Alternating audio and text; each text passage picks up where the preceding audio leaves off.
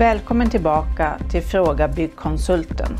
Podden där jag delar med mig av min erfarenhet och kompetens i byggbranschen.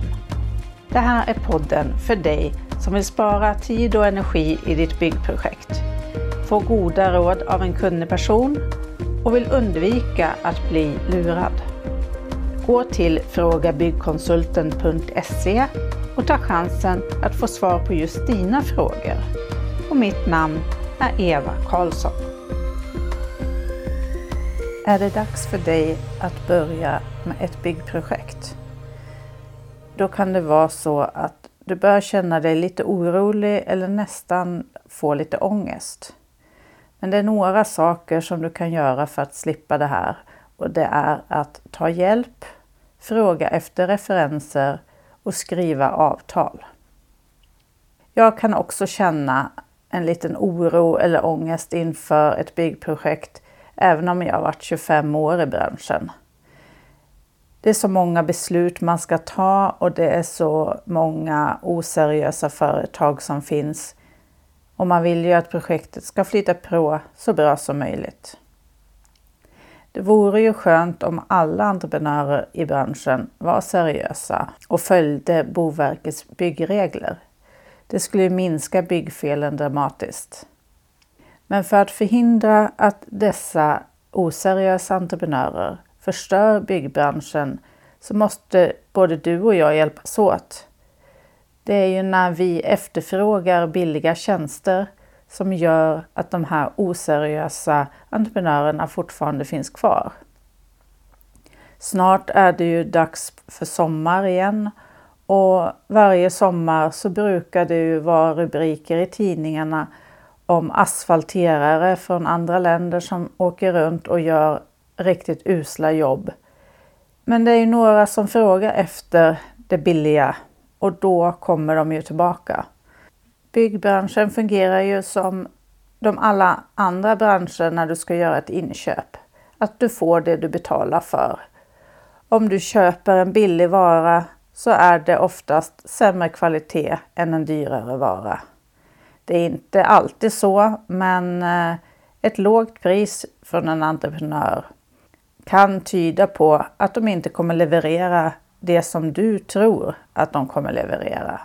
Därför är det viktigt att ta in anbud från fler olika entreprenörer så att man kan jämföra priset och välja en som kanske inte är den billigaste och inte den dyraste, men någon där man känner att de kommer leverera det som du vill ha. Och att de har den här kvaliteten som du önskar med direkt i början på projektet. Det går ju att bygga billigare hus om man vet vad det är som påverkar kostnaden. Du måste ta reda på vad saker och ting verkligen kostar för att förstå vad det är du kan tjäna pengar på i ditt projekt om du vill få ner priset. Om du känner att det är väldigt många beslut och väldigt svårt att veta hur du ska göra för att ta de här besluten och hur du ska kunna komma billigare undan men fortfarande ha kvar kvaliteten. Ja, då är det ju några saker du kan göra och det är att ta hjälp vid upphandlingen av entreprenörerna.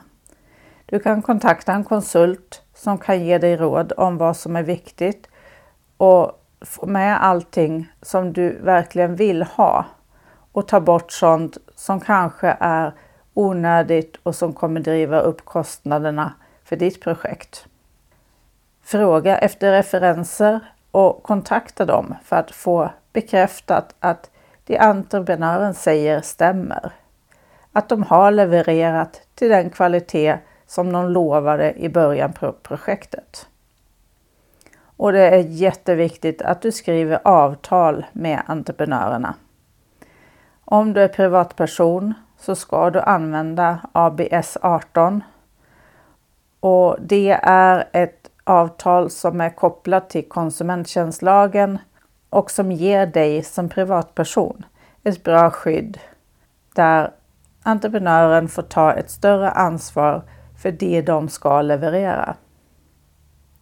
om inte entreprenören vill skriva ett avtal så är de troligtvis inte seriösa och då ska du inte ha med dem att göra för att då kommer du garanterat få en sämre kvalitet på ditt byggprojekt. Och jag hoppas att de här råden har gett dig lite mer kött på benen så att du kan vara tryggare när du går in i ditt byggprojekt i framtiden. Tyckte du om det du har hört? Tryck tumme upp och skriv en kommentar. Och dela gärna till dina vänner så att fler får ta del av min kunskap.